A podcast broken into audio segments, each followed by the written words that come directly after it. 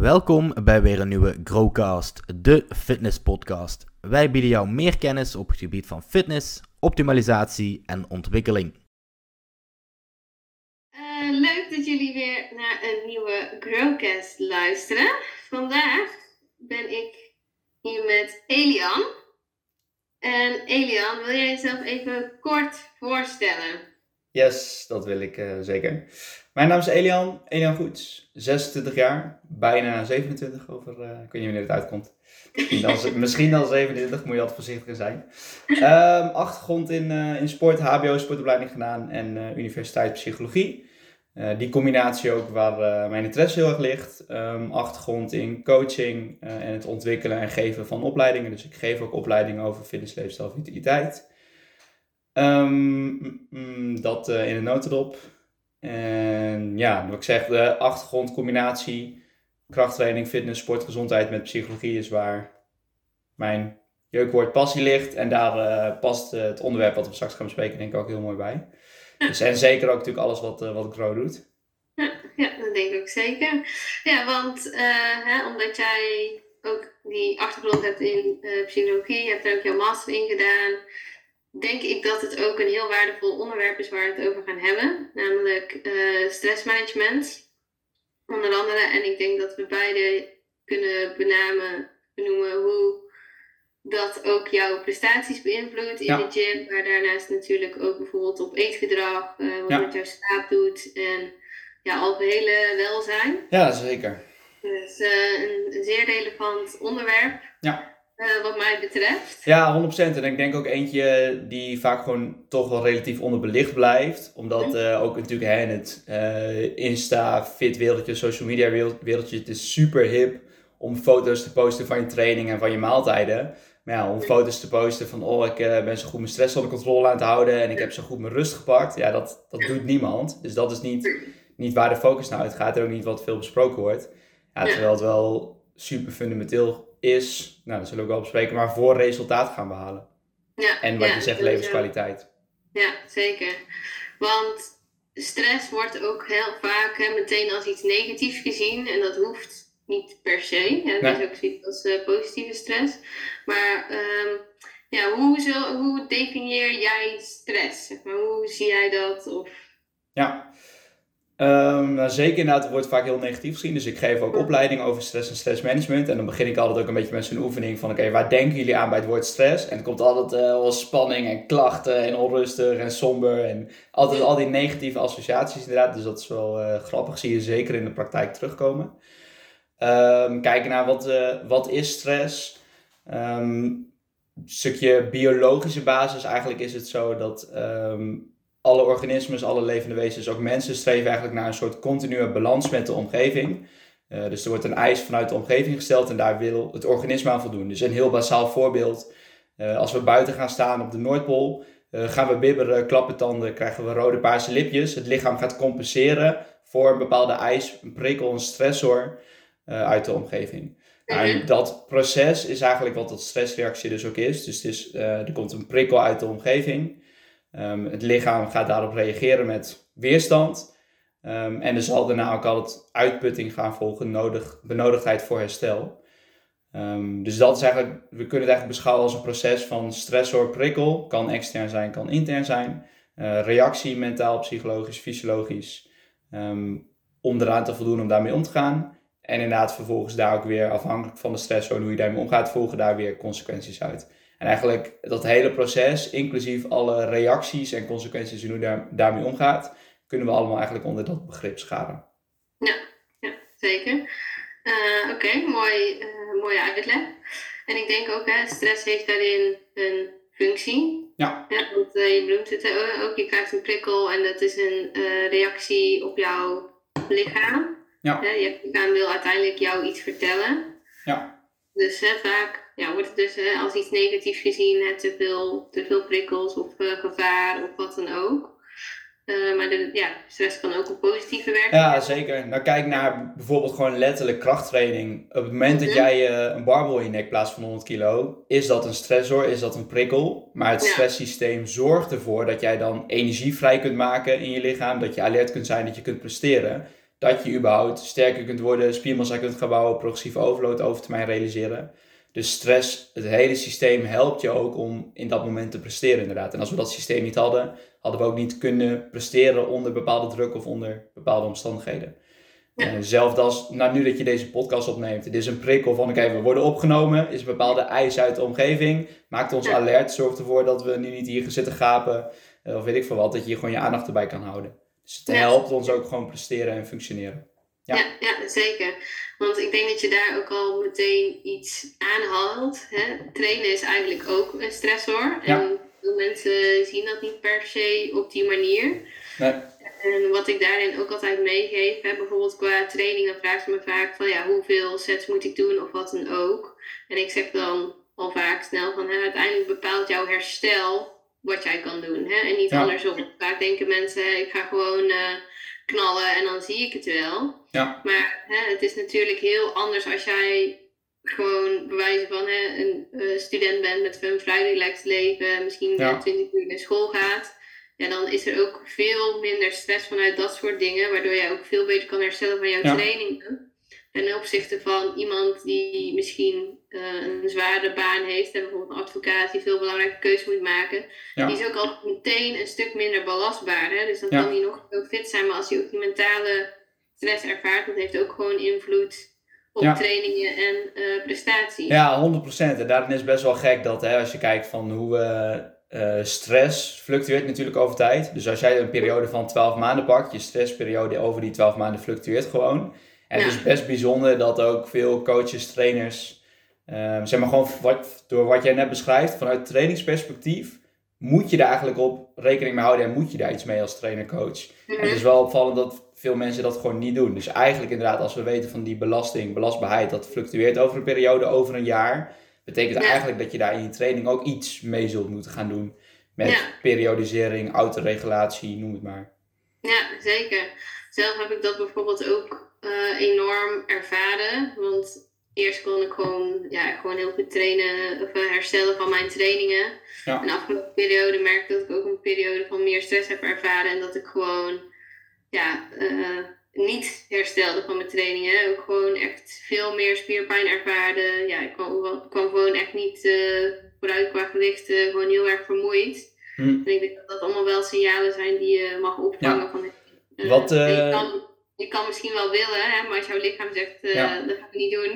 Ja. Dus is iets niet goed, dan mag je er ook gewoon naar luisteren. Ja, ja zeker. En natuurlijk helemaal in dit wereldje waarin het altijd ja. toch gaat is en mensen het toch ook fijn vinden om lekker te pushen, pushen, pushen. Is juist het gas terugnemen voor mensen wel een uitdaging. Wat waren toen bij jou de eerste signalen waaraan jij merkte van hé, hey, ik herstel niet goed of de, die belasting, belastbaarheidsbalans is niet helemaal uh, oké? Okay?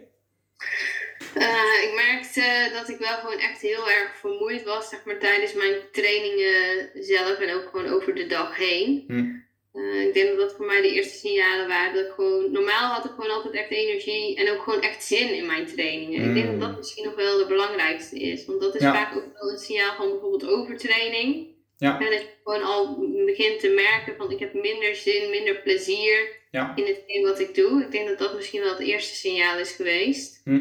En ja, dat je op een gegeven moment ook gewoon ja, geen progressie boekt. Hè. Je gaat vaak uh, ook gewoon een beetje achteruit qua gewichten. Want ja, je bent letterlijk niet aan het herstellen. Je nee. heeft niet die reserves om sterker te worden of wat dan ook. Dus ik denk dat dat... Uh, ja, zeker. Kijk, als je stagnatie hebt over een bepaalde tijd, dus gewoon op gewicht blijft hangen, dat kan op zich nog. Er kan er iets anders aan de hand zijn. Maar als je inderdaad echt zelfs een regressie ziet, gewoon echt dat je gewoon, je gewoon minder tilt dan dat je vorige week kan. Ja, dat zijn natuurlijk hele duidelijke signalen. En zeker hetzelfde wat je zegt ook met motivatie, als dat over langere tijd laag blijft.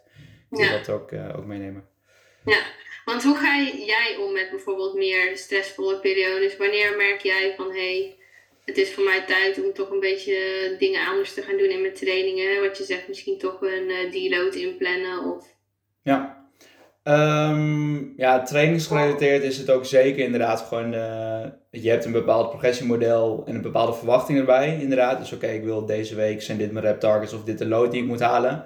En als je inderdaad over meerdere sessies daar niet aan voldoet, dan is dat inderdaad een heel duidelijk signaal.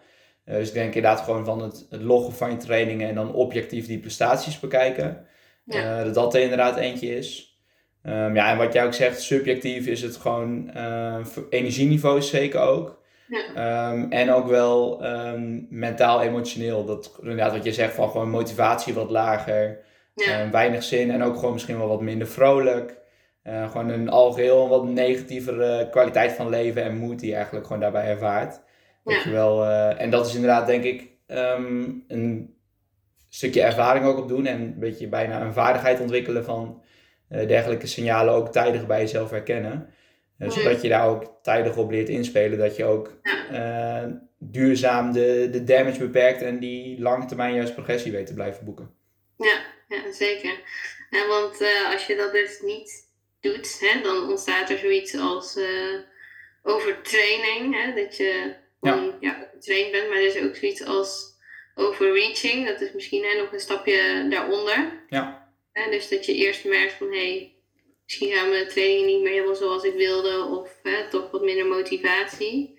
Ja. Um, en we hebben eigenlijk net ook al een aantal signalen benoemd waarin je dat dus kan herkennen, dat je daar komt. Wat zijn dan volgens jou bijvoorbeeld interventies die je op dat moment op tijd kan gaan toevoegen, zodat je het niet tot een verder stadium laat komen? Ja, uh, ja, je kunt natuurlijk inderdaad dus hebben, dus we hebben het over belastbaarheid van jou als persoon en we hebben het over de belasting die je zelf oplegt. Mhm. Uh, dus dat zijn natuurlijk twee uh, componenten waar je aan kan, kan schroeven, mee kan spelen. Mhm. aan de belastingskant kun je natuurlijk, kan je iets in je training gaan aanpassen. Dus of dat een, een set of een rep minder is, of lagere intensiteit, of verder van falen. De mhm. trainingsbelasting kun je wat mee. Um, indien je die flexibiliteit hebt, kun je ook kijken, hey, kan ik ook in mijn werkbelasting die week wellicht iets gaan schuiven toch ook. Ik zeg van, nee, ik neem even wel een, eh, een ochtendje, avondje vrij of whatever. Um, en aan de belastbaarheidskant um, is het, het een beetje het cliché, maar van voor jezelf zorgen.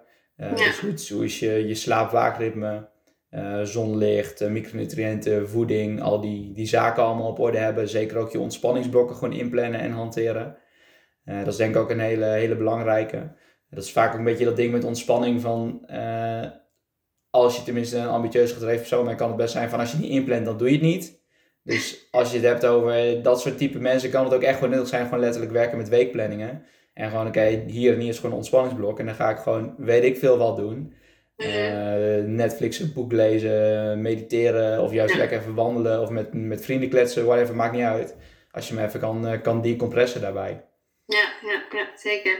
Ja, want ik uh, vergelijk dat vaak met een emmertje dat je een bepaald emmertje hebt waarin je dus die je kan vullen met allemaal dingen hè, qua stress, hè, werk, uh, sport, weet ik het allemaal. En het is uiteindelijk aan jou om die signalen te gaan leren herkennen van wanneer dat emmertje bijna vol zit, zodat je hem ook weer op tijd kan ja. legen. En ook hoe ziet dat emmertje legen er voor jou uit? Ja. nou, je hebt een heel mooi uh, aantal voorbeelden genoemd. Ja. Maar het is wel belangrijk om daar wel scherp op te zijn en jezelf inderdaad ook in te leren kennen. En dat je dan ook daadwerkelijk dat emmertje gaat legen. Ja, ja zeker. Ja. Mooie, mooie metafoor. En inderdaad aanhakend op die metafoor, ook wat we al eerder noemden. Uh, wat nog wel eens wordt vergeten is dat uh, positieve stress ook bijdraagt aan het vullen van dat emmertje. Ja. Uh, dus persoonlijk voorbeeldje. Ik vind lesgeven vind ik echt fucking leuk om te doen. Vind ik eigenlijk, op dat moment krijg ik altijd heel veel energie van. Maar na zo'n dag ben ik altijd echt wel gaar. En, ik, mhm. en, dat is hetzelfde als met, met krachttraining of met welke sport dan ook. Je kan je training of je, je sport nog zo leuk vinden. Het is een bron van positieve stress. En positieve stress vergt nog steeds hersteltijd. Als je zegt, oh ik vind trainen superleuk, ik ga zeven dagen per week drie uur trainen. Ja, leuk voor je. Maar dan heb je nog steeds die disbalans. Dus ook dingen die wel leuk zijn, maar waarbij je wel moet presteren of alert of energiek moet zijn. Dus positieve stress vullen nog steeds dat emmetje. Dus dan daar zijn mensen zich niet altijd uh, bewust van, denk ik ook. Nee, ja, ja precies. Hè? Want uh, ja, trainen is inderdaad ook nog steeds gewoon stress voor iets waar je lichaam van vraagt om te herstellen. Ook al zien veel mensen het misschien als ontspanning. Ja. En dat is het denk ik ook wel voor een bepaalde mate. Misschien meer voor je kopie gewoon te leven. Ja, ja, ja. ja. En je lichaam wordt nog steeds belast. Ja. Nee, zeker. Dus je hebt dan ook weer natuurlijk hè, onderscheid van uh, mentaal en fysieke stressoren. Maar allebei kunnen ze inderdaad bijdragen aan dat, uh, dat emmetje uh, vullen. En hetzelfde geldt ook bij leger. Van, je kunt mentaal ontspannen, maar je kunt ook fysiek ontspannen. En dat is wel belangrijk, helemaal bij, dat zie je wel terug bij mensen die stressgevoelig zijn.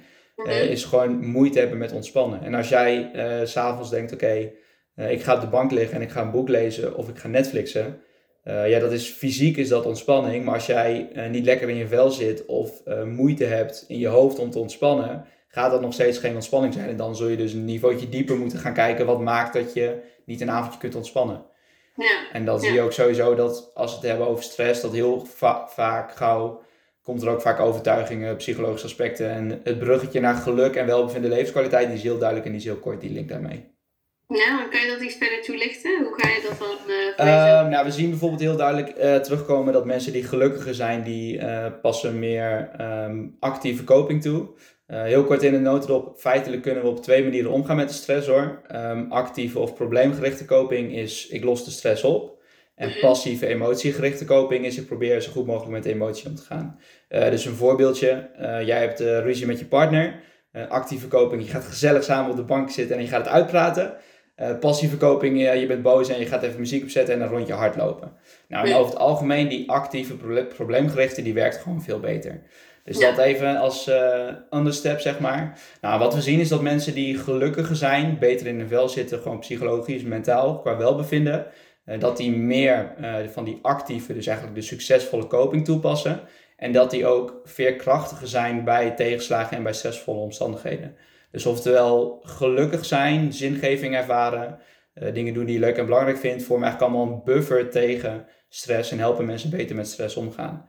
Ehm, dus veel, ook als we kijken naar ehm, in de literatuur, zeg maar, meetinstrumenten die stress meten, heel vaak komen daar ook vragen in terug die gaan over geluksniveaus, omdat die link daartussen zo duidelijk is en het bijna ook niet van elkaar te onderscheiden is. Want ook dat, als, we, als jij ongelukkig bent, is dat een bron van stress. Even dat voorbeeldje van ik zit s'avonds thuis alleen op de bank. Ehm, ik kan ont- fysiek kan ik ontspannen een boekje lezen of Netflixen. Maar als ik niet gelukkig ben, kan ik nog steeds daar op die bank stress gaan ervaren. Dus daar, ja, die link is gewoon heel duidelijk. Ja. ja, en dat is denk ik ook wel dan een beetje een visuele cirkel waar misschien mensen ook dan in komen. hè. Als ze veel stress ervaren, zijn ze ongelukkig. Hè? En Ja. dan wordt het misschien ook wel lastig om die actieve coping toe te Ja. passen. Ja. Ja, Wat, is dan, eh, wat zou je dan aanraden om daar uit te komen? Ja, zeker. Nou, heel, cliché altijd is natuurlijk, maar ja, je gaat gewoon een sparringspartner nodig hebben. En dat hoeft niet, eh, hoeft niet de coach te zijn, kan ook een goede vriend of vriendin zijn. Of eh praktijkondersteuner via de huisarts, I don't know. Het ligt natuurlijk wel een beetje aan hoe, hoe diep die issues gaan. Maar ik ben zeker ook wel voorstander van, dat zul jij ook wel beamen, van gewoon het stigma eraf halen van dat soort dingen. Zelf in het verleden ook wel bij een praktijkondersteuner geweest. Het is inderdaad niet zo dat je, oh ik, moet, ik ben depressief en dan pas mag ik zo iemand een keer mee kletsen. Nee, Ja. jij gemerkt van ik zit even een periode hier of hier mee. Ja, kan een sparringspartner, een volwassene die ook ergens bepaald in is opgeleid. Ja, kan Ja. altijd even hulp en meerwaarde bieden. Ja. Eh, dus zeker, ehm, dat is ook, het is een menselijke basisbehoefte dat we sociale contacten nodig hebben. En eh, we ordenen als mens onze gedachten ook door te spreken. Ja, dus sowieso iemand hebben om het ermee over te kunnen hebben is al nummer één. Of dat dan een coach is of vriend, familielid, dat is denk ik de eerste stap. En van daaruit kun je in gespreksvoering, reflectie, kun je mogelijk gaan komen tot oorzaken, onderliggende dingen. Om te kijken Ja. waar het hem eh, in zit. Ja, ja. Nee, inderdaad, eh mee eens. Want dat is vaak ook het ding, hè, dat mensen dingen niet uitspreken en heel erg voor zichzelf houden. Ja. Waardoor het misschien lijkt alsof het een onmogelijke situatie wordt. Ja. Want ik zeg ook heel vaak, hè, kijk, als jij echt moeilijke problemen hebt in jouw hoofd of wat dan ook, een moeilijke wiskundesom, los jij ook niet op in jouw hoofd. Mm. Hè? Dat moet je ook gewoon even opschrijven. Dat moet gewoon Ja. letterlijk even op papier, zodat je het kan ordenen. En dat is eigenlijk ook met jouw gedachten of situaties. Als jij merkt Ja. van, oh, dit is een probleem waar ik heel erg tegenaan loop, hè, of een bepaalde situatie die mij veel stress geeft.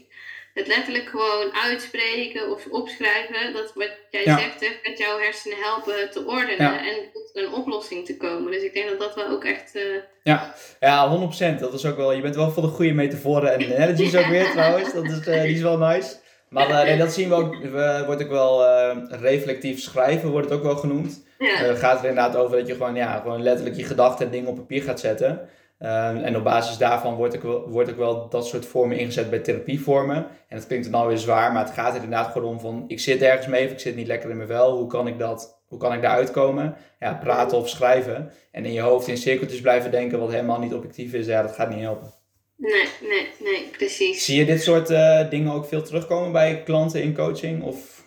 Ja, zeker wel. En ik merk ook uh, hè, dat wanneer er periodes zijn van meer stress, dat een hoop andere dingen ook minder goed gaan. Hè. Vaak gaan dan, uh, gaat slapen ook een stuk minder. Hè, want dan staat vaak zoiets als piekergedrag of uh, misschien nachtelijk ook wakker worden door bepaalde stressen, omdat jouw lichaam gewoon ook in die aanmodus blijft. Hè. Dus heel moeilijk naar het parasympathische ja. daadwerkelijk afschakelt. Ja. vaak als slaap minder goed gaat, gaat eten ook minder goed. Hè, want dan heb je dus ook al ben je gevoeliger voor uh, honger en minder verzadiging overdag. Ja. En uh, ja, dat werkt toch allemaal op elkaar door. Dus uh, daarom is het denk ik altijd een beetje te oppervlakkig om bijvoorbeeld alleen naar je training en voeding te kijken. Want ja, stress heeft gewoon, gewoon ja, stressmanagement ja. en jouw staat, dat heeft gewoon zoveel invloed. Ja, 100%. Ja, ja, dus dat is ook in de, de opleiding die ik dan geef, uh, is gewoon letterlijk ook iets, wij zeggen gewoon van ja, je gaat eerst gewoon naar die twee zaken kijken. Uh, ja. Vraag bij je intake een paar vragen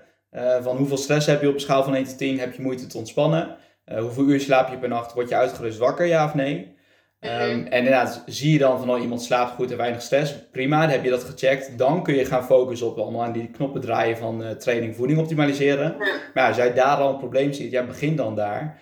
Want uh, we zien gewoon inderdaad dat het zoveel impact heeft op training, herstel, slaap, andere factoren, voeding ook zelfs. Ja. Dat inderdaad, als, jij, als dat niet op orde is, dan kun je eindeloos gelopen pielen en sleutelen met die voedingtraining. Ja, dan gaat je gewoon geen resultaat en geen levenskwaliteit opleveren.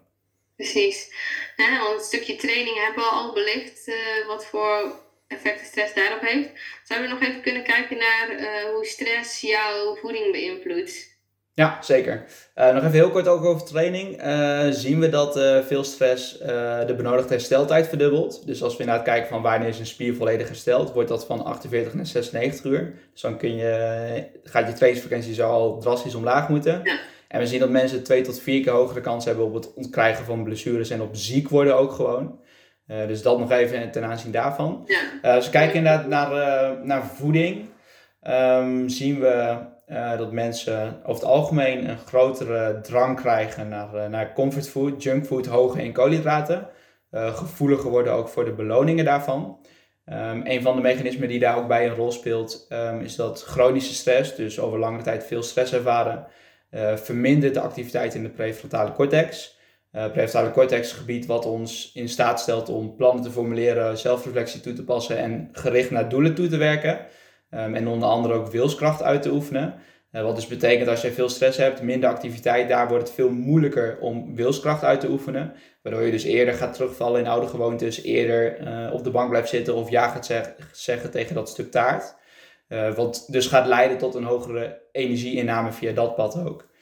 Um, dus die link zien we sowieso al. En inderdaad ook een, een invloed op, um, op energieverbranding en op uh, TEF inderdaad ook volgens mij, het effect van ja, voeding. Tef, ja.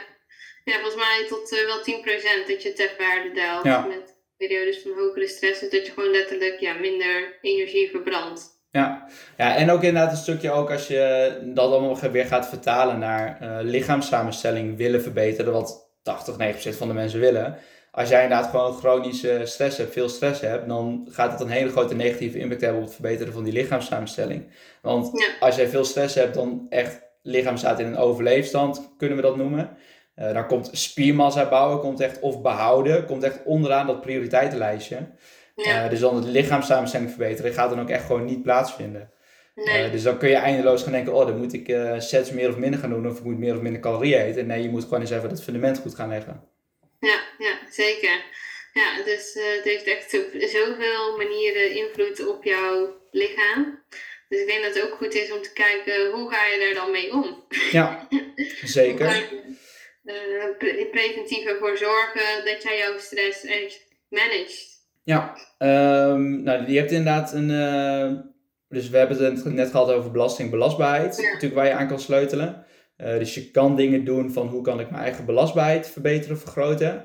En hoe kan ik, als er belasting komt, hoe kan ik daar dan effectief mee omgaan? Nou, dat laatste van effectief mee omgaan, net al een beetje besproken. Hè? Dus de eerste vraag die je zelf altijd eigenlijk moet stellen als je stress hebt: kan ik dit nu oplossen, ja of nee? Ja. Ja, los het dan op. En nee, hoe, en dat is echt fucking moeilijk. Maar nee, probeer het dan los te laten en te accepteren. Ja. Eh, dus Ja, dat, want dat is denk ik ook wel een eh, belangrijke. Je kan natuurlijk eh, stress actief managen, maar je kan er ook bijvoorbeeld een andere betekenis aan geven. Ja. En dat je de context ook Mm. aanpast op een Ja, bepaalde- dat is heel interessant. Dat is ook eh, Amerikaans onderzoek van voor mij een cohort van 50.000 mensen. eh, waarbij ze inderdaad zagen dat ehm, mensen die zeg maar hun stressrespons als behulpzaam beschouwden. Oftewel, hey, dit is mijn lichaam die me in staat stelt om nu energiek te zijn te presteren. Dat, die Ja. een, eh, dat die geen verhoogde kans hadden op vroegtijdig overlijden. eh verhoogd risico op ziektes. En mensen inderdaad die wel een negatieve perceptie hadden. Van oh, ik heb stress en dat is niet goed. Die hadden wel een verhoogd risico op hart- en vaatziekten en vroegtijdig overlijden. Dus inderdaad, fysiologisch hetzelfde. Maar andere perceptie ook weer daarbij. eh, wat inderdaad ook weer gewoon letterlijk fysieke, fysiologische gevolgen heeft. Dus ja, dat, eh, ja, 100%. ja, dus die Ja, eh, zien we zeker. Ja, ik weet ook niet of dat, eh, ik dat misschien per se echt een gezonde overtuiging heb of zo hoor. Maar ik heb de overtuiging dat ik geen burn-out kon krijgen, omdat ik gewoon gezond leef en hè, voor mezelf zorg. Gewoon iedere dag mediteer. Ik plan mijn Ja. rustmomenten in.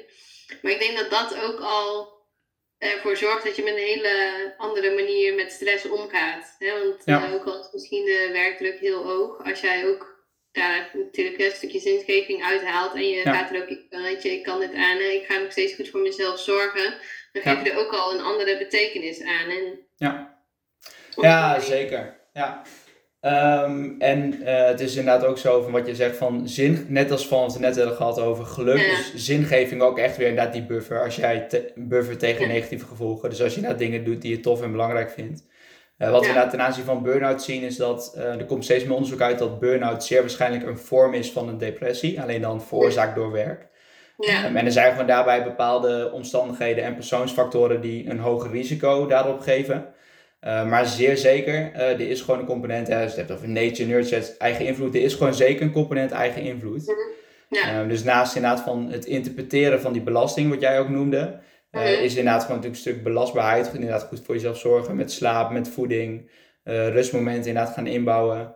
Um, en daarbij inderdaad ook zeker um, ja, een stuk ervaring gaat gewoon helpen. Dus weet inderdaad van oké, waar decompress jij nou van? Waar kan jij van ontspannen mentaal en fysiek? Wat werkt voor jou? ja, Um, en ook wel gewoon uh, kennis over menselijk functioneren. ja, dus bijvoorbeeld een van de psychologische basisbehoeften van de mens is de behoefte binding aan sociaal contact. Um, nou, persoonlijk voorbeeldje had ik laatst nog. Toen had ik uh, gewoon een lange volle dag gehad.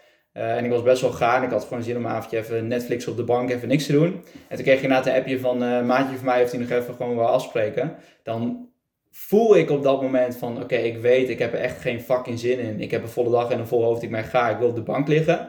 Maar dan kan ik bedenken, hé, hey, maar ik weet hoe belangrijk binding is. En als ik dat toch doe, dat dat me netto weer meer oplevert. Dus ook daarbij een stukje kennis over hoe de mens functioneert en menselijke behoeftes. Kun je ook weer gebruiken om dan je eigen gevoel op dat moment even te overrulen en te weten, oké, okay, dit gaat mij goed doen. Net als van gezonde voeding, van ja, het is niet lekker, maar ik weet, het gaat me wat opleveren. Zo kun je dat ook aan de gedrags- en psychologische kant toepassen. Ja, ja, nee, ik denk dat het ook wel een mooie toevoeging is. En natuurlijk is dat denk ik ook wel een heel uh, persoonlijk stukje. Want je hebt natuurlijk ook mensen die meer introvert zijn en die zouden daar dan bijvoorbeeld net eerder nog meer uh, energie door verliezen. Terwijl een extravert die laat er net van op. Dus ik denk dat daarin ook een stukje uh, zelfkennis wel heel erg belangrijk is. Ja. En dat heb ik denk ik zelf ook wel ervaren. Ook bijvoorbeeld met bepaalde grenzen op werk. Hè. Je weet pas waar die liggen, ook als je die een keer hebt ervaren. En ja. dat is misschien ja, wel heftig. Ja. Maar het is wel zo. Want op zo'n moment ga je ook uh, leren, hè, wat zijn voor jou bijvoorbeeld signalen dat het te veel is of wat dan ook. En op die manier leer je jezelf beter kennen. En dan kan je dus ook in de toekomst dat toepassen ja. en daardoor ook beter anticiperen op bijvoorbeeld. Ja. Hè, momenten ja, dat, die ja. aankomen. Dat is, uh, nu ga ik even het metafoor gebruiken. Nee, dat is net als met training. Als je, zeg maar, van, als je nooit tot falen bent gegaan, dan weet Ja. je ook niet hoe uh, 8 RPI of 80% 1 rem of whatever, hoe dat zou kunnen voelen. Uh, dus dat is zeker waar. En het is natuurlijk wel zo dat um, voor veel mensen zal het leven vaak al genoeg shit en uitdagingen op ze stront over zijn flikkeren. Dat ze wel periodes van veel stress gaan ervaren. Dus dat je dat niet Ja. bewust per se heeft op te zoeken. Maar ja, voor mensen die niet in zo'n levensfase nog zitten. Uh, ja, kan zeker inderdaad van wel een beetje bewust gaan pushen. Um, of inderdaad kijken waar dat ligt, kan zeker een, een functie dienen. Uh, maar Ja. meestal denk ik, is mijn ervaring ook als ik kijk naar mensen en eigen ervaring in de omgeving, dat er vaak wel levensomstandigheden gaan zijn. uh, die je wel in die situatie pushen of terechtkomen of overvallen. Dat je wel stress gaat ervaren. En oké, hoe ga ik daar dan op dat moment mee om? Ja, ja nee, zeker. Dus, uh... Zijn er bepaalde tools of dingen die jij echt veel inzet in je coaching om mensen mee te geven om met stress om te gaan of rondom dit onderwerp? Ja, uh, zeker wel. Ik vind bijvoorbeeld meditatie altijd wel echt heel krachtig. Hm. Want het is wel uh, bewezen dat dat stress verlaagt, maar ik vind vooral ook echt dat stuk leren omgaan met jouw gedachten en daar vooral ook bewust van worden heel erg krachtig. Want vaak ja, mensen zijn, zijn altijd wel stil bij een uiterlijk of wat dan ook. Hè, maar wat er allemaal in het hoofd gebeurt, staan ze vaak niet eens bij stil. En als ze vaak een gedachte hebben, dan ben je die gedachte en dan word je er helemaal in meegetrokken. Terwijl als je een gedachte op zo'n bepaald moment kan opmerken en je kan er naar kijken, vaak gaat die dan alweer weg. En ik merk dat dat uh, mijzelf ook enorm helpt zeg maar, om veel minder lang in een bepaalde emotie of gevoel, ja. stress te blijven. Je gaat er gewoon veel sneller uit. Ja, nice, mooi. Ja, dat is denk ik een hele belangrijke, meer naar de metavaardigheid die je echt inderdaad kan ontwikkelen. Met mediteren en zelfreflectie zeker. Uh, dat is inderdaad als je kijkt van, um, naar stress en dan stressoren, dus wat veroorzaakt stress, de prikkels. Die kunnen inderdaad intern zijn, die kunnen extern zijn. Extern is die 100 kilo barbel in je nek of deadline op het werk. Uh, intern kan letterlijk zijn inderdaad van, ik heb de gedachte, um, of je zit de situatie, ik zit s'avonds thuis alleen op de bank. Um, ik kijk op social media, ik zie mensen allemaal leuke dingen doen. Intern, mijn gedachte is, uh, mijn leven is minder leuk dan andere mensen. Of ik ben niet goed genoeg, kan ik gewoon inderdaad door een bepaalde gedachte, kan ik intern mezelf gewoon stress geven. Dus je ziet ook daarbij weer heel erg de link tussen uh, psychologie en fysiologie. Ik kan met mijn gedachten intern, kan ik stresssysteem gaan activeren. Wat natuurlijk heel problematisch kan zijn als je daar veel last van hebt. En dan is het inderdaad zeker uh, een hele mooie vaardigheid als je, uh, wat je zegt, daar meer los van kunt komen. Inderdaad, oké, okay, nee, ik ben niet deze gedachte, ik mag er loslaten, ik mag er naar kijken en ik hoef er niet in, in mee te gaan. En dat kunnen mensen inderdaad leren door onder andere meditatie, een stukje zelfreflectie, ja. kijken naar overtuigingen. Ja, ja zeker. Ook bijvoorbeeld een bepaalde stappenplan wat ik vaak meegeef bij mensen om minder lang in een bepaalde emotie te hangen is de dankprincipe.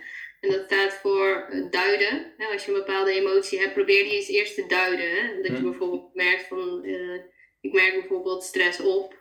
Dan ben je het al aan het duiden. En dan is de vraag van accepteren. Dus een gevoel mag er gewoon zijn. Hè? Stress mag zijn of verdriet of wat dan ook. Want vaak als je er net gaat tegen vechten, maak je het alleen maar erger. Ja, 100%. alleen maar groter. Ja. Uh, dan heb je de N van niet identificeren. Uiteindelijk heb je een emotie en ben je het niet. Hm. Dan plaats je het ook weer buiten je. Ja. En dan staat de K voor kalmeren. En dan hm. ga je op zoek naar iets wat jou echt kalmeert. Ja. Want, uh, dat vind ik ook een ding. Hè? Bijvoorbeeld, uh, veel mensen denken, oh ja, Netflix is ontspanning. Maar eigenlijk geef je nog steeds wel prikkels aan je brein. En als je een hele spannende serie kijkt of zo, ja, dan ben je ook niet echt aan het ontspannen. Dus nee. de vraag die ik vaak ook mensen stel, of uh, een opdracht die ik meegeef, ga op zoek van dingen waar jij echt van tot rust komt. Want veel mensen hebben dat ook gewoon niet helder. En als je dat niet helder hebt, dan weet je ook niet wat je actief kan toepassen op een moment wanneer je het wel nodig hebt. Ja. En dan gaat het bijvoorbeeld vaak al snel naar eten neigen, want dat is iets wat heel mhm. makkelijk uh, bijvoorbeeld ja, gewoon altijd meteen dopamine afgeeft. Een goed gevoel, hè? Dat is een lage drempel. Als jij geen andere manieren hebt om jezelf tot rust te brengen of wat dan ook, ja, dan ga je heel snel op dat soort patronen vallen. Dus ik denk dat dat ook altijd wel um, belangrijk is om voor jezelf te onderzoeken. En dan kan je dus zo een strategie als bijvoorbeeld dank jou wel helpen om in een veel kortere tijd uh, een bepaalde emotie te ervaren. Ja, zeker. Mooi. Ja, dat uh, dank, dat is grappig. Dat lijkt wel op, uh, je hebt in de, de schematherapie heb je de vijf R's. En het is een mhm. beetje ook hetzelfde inderdaad, van gedachten herkennen en dan de gedachten niet accepteren, maar juist andere gedachten kunnen kiezen. Besef dat je niet die gedachte bent. Dus dat komt daar ook al terug, ook een beetje bij de acceptance en commitment therapie. Ja. Het is wel zo geinig om, om inderdaad die link te zien. Ik denk inderdaad dat dat een hele krachtige vaardigheid is. En wat jij ook heel terecht zei van over die emoties, ja, dat is 100% waar. Dus dat is gewoon van, uh, en helemaal natuurlijk in onze huidige samenleving en cultuur, waarin altijd maar de focus ligt op je moet gelukkig zijn de hele tijd. En dat is het doel, zoveel mogelijk tijd van gelukkig zijn. Nee, je bent fucking mens en je bent letterlijk een soort dier met een brein dat negatief en positief effect kan voelen. Dat, zo ben je gewoon gemaakt. Alleen dat negatieve effect, dat willen we of kunnen we niet meer voelen. Eh, en als ik inderdaad denk van, oh shit, ik voel me somber en ik voel me kloot en ik ben niet blij. Ik moet dat ZSM oplossen naar iets vrolijks. Ja, dan ga je alleen maar lang in je kut voelen. Want oh, het lukt me niet omdat ik vrolijk word. Dus inderdaad juist, en dat is echt dat is fucking moeilijk en dat blijft de rest van je leven ook moeilijk. Maar gewoon met emoties zijn, emoties mogen voelen. Ja, daar in die hoek. En dat blijft altijd, voor mij ook nog, blijft altijd moeilijk. Maar daar is zeker ook voor mensen wel waar eh, echt wel ook winst in te behalen is. Ja, ja. Ik heb er ook nog een mooie metafoor voor. Nu komt hij, nu komt hij. Dit is wel eentje met de metaforen. You, you killing it. ik zeg dat altijd. Uh, ja, dat is net als een strandbal die je onder water wil houden. Als dat het niet mag zijn, weet je, dan Mm. blijf je al die emoties onderdrukken. Maar Ja. gaat maar een tijdje goed en dan komt hij toch omhoog. Ja, ja, ja. En dan is het helemaal shit. Want dan heb je misschien al die tijd, al die stress onderdrukt. En dan ineens is het gewoon Ja. too much. Terwijl als je gewoon al eerst gewoon laat zijn wat er is. Ja, Je accepteert dat gewoon. Je mag je ook gewoon ja, Ja. shit voelen of wat dan ook. ja zeker. Dan, gaat het vaak ook veel sneller weg. En dan lijkt het nooit zo ver komen. Ja. Je begrijpt wel dat ik al die metaforen van je ga stelen, hè? ja, dat is goed. Kijk, kijk, kijk. ja. Maar eh, nee, dat is 100% inderdaad waar. Alleen dat is inderdaad wel van eh, het weten en het doen is altijd gewoon van uitdaging, want het blijft Ja. gewoon moeilijk. Dus het is gewoon, niet, Ja. het is gewoon niet leuk. Het is letterlijk een negatief affect wat je voelt. En dat, je wordt ook, de rol van negatieve emoties is ook vaak om je te motiveren om iets op te lossen of te vermijden of te voorkomen. Dus dat is ook, het is ook ergens die tendens, die neiging die erachter zit, die drijfveer. Dat is dan zeker inderdaad lastig om daar dan toch mee om te gaan. En ook daarbij weer eh, ja, gewoon tools inderdaad van mediteren, zelfreflectie, opschrijven, binding zoeken, praten met mensen. Eh, allemaal zaken die daarbij zeker gewoon eh, gaan Ja. bijdragen. Ja, ja, want we noemen het nou wel negatieve emoties, maar ik denk dat het misschien niet eens negatief hoeft te zijn. Hè? Want het is gewoon letterlijk ook jouw lichaam die jou iets wil vertellen. Ja, En als je daar misschien ook gewoon op die manier naar kan kijken en kan luisteren, hoeft je het niet eens als iets heel zwaars of negatiefs te ervaren. Want het is ook gewoon een emotie. En Ja. wij mensen willen het altijd weer in een vakje stoppen, goed of slecht. ja, Terwijl Ja. eigenlijk is het gewoon een signaal van jouw lichaam Ja. die vertelt van hé, hey, hier is misschien toch iets niet goed aan. En dat is ook wel iets wat ik zelf steeds meer aan het eh, ervaren ben. Dat eh, ook bijvoorbeeld heel veel psychische dingen uiteindelijk toch wel op jouw lichaam gaan uitwerken. En dat is denk ik ook, eh, ook steeds meer. Ja, ik weet niet of daar echt veel onderzoek naar is gedaan. Mm. Want ook wel bijvoorbeeld Ja. dat trauma zich ook wel echt in jouw lichaam gaat opslaan. En dat je daardoor ook gewoon veel meer kans hebt op bepaalde ziektebeelden. Omdat je gewoon ja, zoveel stress hebt ervaren. ja. Ja, nee, zeker. Ik geef ook wel, eh, ook wel les aan coaches in eh belichaamd coachen. Eh, maar Mhm. daarbij gaat het inderdaad ook eigenlijk heel duidelijk over de link tussen psychologie en fysiologie. En Ja. eigenlijk komt het neer op het lichaam inzetten voor zaken die niks te maken hebben met je stappendoel behalen en je calorieën verbranden, maar voor andere dingen. Ehm, en een onderdeel daarvan is ook eh, nou, bijvoorbeeld belichaamde cognitie en belichaamd reflecteren. Ehm, en dat inderdaad wat jij ook zegt, van het gaat erover van oké, wat voel ik nu eigenlijk in mijn lichaam? Wat denk ik nodig te hebben? Eh, maar daarbij kan je dat net, gewoon net als wetenschap gewoon een stukje hypotheses gaan eh, benaderen. Van oké, wat voel ik nu in mijn lichaam? Ik voel een bepaald negatief effect. Eh de hypothese is dat ik X of Y nodig heb. Ik voel me negatief, want ik heb, ben alleen. Of want ik heb lang niemand gesproken. Of want ik vind mijn werk niet leuk. En dan dus een bepaalde hypothese. Oké, als de hypothese is, ik heb dit negatieve gevoel of deze emotie omdat ik alleen ben. Ik ga iemand opbellen. Heeft dat het negatieve gevoel dan opgelost? Dus zo kun je gewoon letterlijk gaan kijken inderdaad van wat het dan is. Eh, met erbij ook zeker de nuance. Eigenlijk, ik vergeet nu een stap erbij. Maar vaak is het ook zo van, gewoon eens even een timertje zetten op 10 minuten. Ga eens even ademhalingsoefening doen, even lezen, iets anders doen.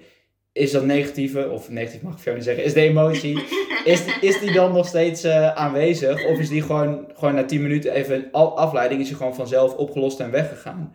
En daarbij zien we ook weer dat ehm, het kan inderdaad zo zijn dat een emotie, eh, dat die je wat te vertellen heeft en dat er een oorzaak onder ligt. Maar soms is het ook gewoon je, je gemoedstoestand op dat moment, of heeft het gewoon een, fysiologische oorzaak. Eh, terwijl misschien denk jij van, oh, ik, ik ben somber, want er is van alles mis in mijn leven. Nee, misschien heb je wel gewoon slecht geslapen of eh, slecht gegeten of whatever. Of met, Ja. met micronutriënten. En dan ga je helemaal over alles van je leven lopen nadenken wat er niet goed is. Oh, wat zijn nou allemaal redenen dat ik somber kan zijn? Nou, ik heb eigenlijk niet, ik ben niet zo gespied als die ene gast. Ik verdien niet zoveel als dat. Eh, ik heb niet zoveel vrienden als dat. Je gaat allemaal oorzaken zoeken van waarom je mogelijk somber kan zijn. Terwijl je Ja. mogelijk gewoon even somber bent omdat je gewoon slecht geslapen hebt. Ja, Dus inderdaad, globale aanpak van ga gewoon eens even kijken van, en dat noemen we eigenlijk, eh, is er een lichamelijke oorzaak of is het inderdaad een psychologische oorzaak? Hè? Waar, is, waar van de twee komt dat weg? En als het een belichaamde oorzaak is, dus het komt inderdaad door slaaptekort of weet ik veel wat, iets met voeding, whatever. En je gaat dan inderdaad eindeloos graven in de psychologische, ja, dan ben je dus gewoon met het verkeerde bezig. ja, Dus inderdaad, ga een timer zetten op je telefoon. Kijk, is het gevoel er nog na 10 minuten? Uh, soms lost het dan vanzelf erop. Is er dan nog, ga je dan inderdaad kijken, oké, wat denk ik nodig te hebben? Wat kan een mogelijke oorzaak zijn?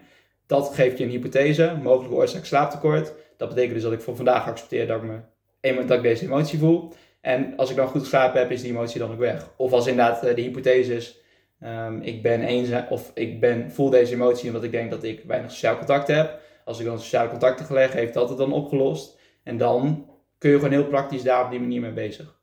Ja, ja want uiteindelijk als je naar iets gaat zoeken, dan ga je ook altijd wel iets vinden. Ja, zeker. zeker. Dan, ik wou het zeggen, dan ga je ja. de duizenden zin, dan kun je wel honderd redenen gaan vinden wat ja. niet perfect of goed zou zijn. Ja, zeker. Dan ga je je hele leven heroverwegen. ja, uh, alles wat je in je jeugd ooit is overkomen. Oh, ik kreeg toen van mijn moeder geen snoepje of ik ben geen kampioen geworden in de F'jes, weet ik het. Ja, en, uh, nee, inderdaad. Oké, okay, Elian, ik denk dat wij al een hele hoop uh, waardevolle tips hebben meegegeven en uh, bepaalde kaders hebben geschetst, uh, geschetst, over wat stress is, wat het met je doet. Ja. Is er nog één main ding wat je de luisteraars wil meegeven? Mm. Ja, ik denk het belangrijkste waarmee we begonnen. Um, laat inderdaad juist ook in onze fitnessbranche, fitnesswereld, stress en slaap erbij ook, maar gewoon stress en stressmanagement echt de aandacht en prioriteit krijgen die het zou moeten krijgen. Dus begin gewoon bij dat fundament leggen. En als dat fundament er is, dan gaat de rest van voedingtraining, kan, kan je daarmee bezig gaan. Dus geef het de aandacht en prioriteit die het eigenlijk zou moeten hebben, die het verdient. Omdat het al die impact heeft. En inderdaad, wat we denk ik ook wel veelvuldig terugkwam van een stukje uh, ervaring op gaan doen. Leren wat voor jou werkt binnen verschillende situaties. Door erop te reflecteren, over na te denken, schrijven, praten. Uh, ik denk dat dat het... Uh, belangrijkste zo is. Ik weet niet of jij nog ja. Hebt. Nee, ja, ben ik, uh, ben ik het ook mee eens. Want uh, uiteindelijk gaat het zich toch ook op jouw lichaam inwerken. Ja. Dus ja, je mag er inderdaad ook gewoon gehoor aan geven. En ik denk bij een fit life wordt ook gewoon een gezonde geest. Hè? Ja. Want al heb je een fit life, hè, je ziet er fantastisch uit. Als het in het kopje niet lekker is, dan kan je mm. er ook van genieten. Nee, zeker, zeker. dat mag denk ik echt niet onderschat worden. En, nee. Ik denk dat het daarom ook net goed is dat er wel over wordt gepraat. En ook bijvoorbeeld over uh, wat je zegt, naar een hulpverlener gaan of naar, uh, ik ga zelf ook naar een psycholoog. En ik denk dat het ook gewoon bespreekbaar mag worden en dat dat geen groot ding hoeft te zijn. Hè? Ja, het is zeker. belangrijk dat je gewoon naast dat je fysiek goed voelt, ook gewoon emotioneel en mentaal. Ja. Want ja, wat heb je anders aan? Ja, 100%. Wat jij net zegt van die dikke biceps of die sixpack of whatever, of die booty, dat is niks waard als je niet in je kopie te, tevreden bent met alles wat je doet. Dat is uh, 100%. Nee. Dus uh, en, uh, ja, ik denk dat dat... En ik denk dat inderdaad het stigma er al steeds meer afgaat vergeleken met 10, 20 jaar geleden, maar dat het inderdaad gewoon nog meer mag. Dus daar kunnen wij zeker weer met deze podcast ons, ons steentje aan bijdragen. Dat denk ik ook. Ik vond het in ieder geval echt een uh, superleuk uh, en ook heel informatief uh, gesprek. Ja, cool. Dus ik wil jou heel erg bedanken daarvoor, Elian. Ja, bedankt. Graag gedaan. Als mensen jou willen volgen of meer over dit soort dingen lezen, waar kunnen we jou dan vinden? Um, op Insta, Elian Goets. Is een hele mond vol achternaam. Elian, komen mensen nog wel uit. Goets is G-O-E-T-T-S-C-H. Wellicht dat het nog ergens erbij toegevoegd kan worden. Um, en de opleiding die ik erover geef, die valt onder de vlag van uh, Start Move. Superleuk. Nogmaals heel erg bedankt en uh, wie weet tot de volgende keer. Yes, en bedankt Shelly.